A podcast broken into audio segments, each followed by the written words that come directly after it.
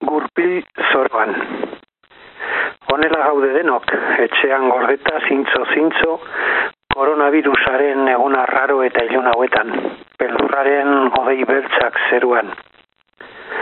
Odei hoietako bat ekonomiaren gaineko mehatxua da. Beste krisi ekonomikoa etorriko omen da, larriagoa. Zergatik, ba, hilabeteko etena egongo delako edo agian gehiagokoa, eta horrek ondorio latzak ekarriko dituelako.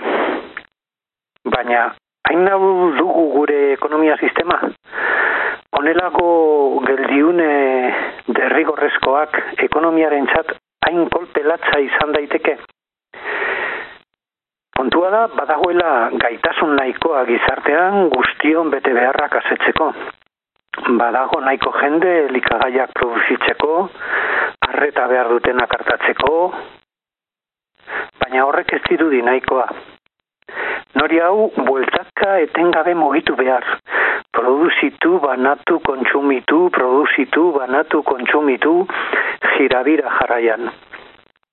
Eta horra hor, krisia, noria gelditu edo mantxoago dabilenean.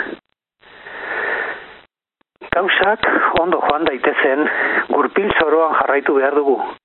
Gero eta gehiago produzituz, gero eta produktibitate handiagoz, gero eta estuago denok.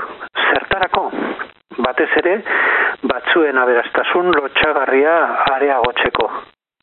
Eta arazoak daudenean horra hori irteera. Aberatsak aberatsago eta gehiengoa pobretzeko. Argi ikusi dugu 2008ko krisi finantzaroarekin. Neurrigabeko kontsumoan eta eskondean oinarritzen da sistema ekonomiko honek desberdintasun soziala du baldintza derrigorrezkoa. Koronavirusa pasatuko da, minak eta dramak gure artean utxita. Krisi soziala, klimatikoa, ekologikoa ere hor dago eta jarraituko du. Eta ez genuke aztu behar saldibarko zabortegia, oraindik bilangileren hilobia.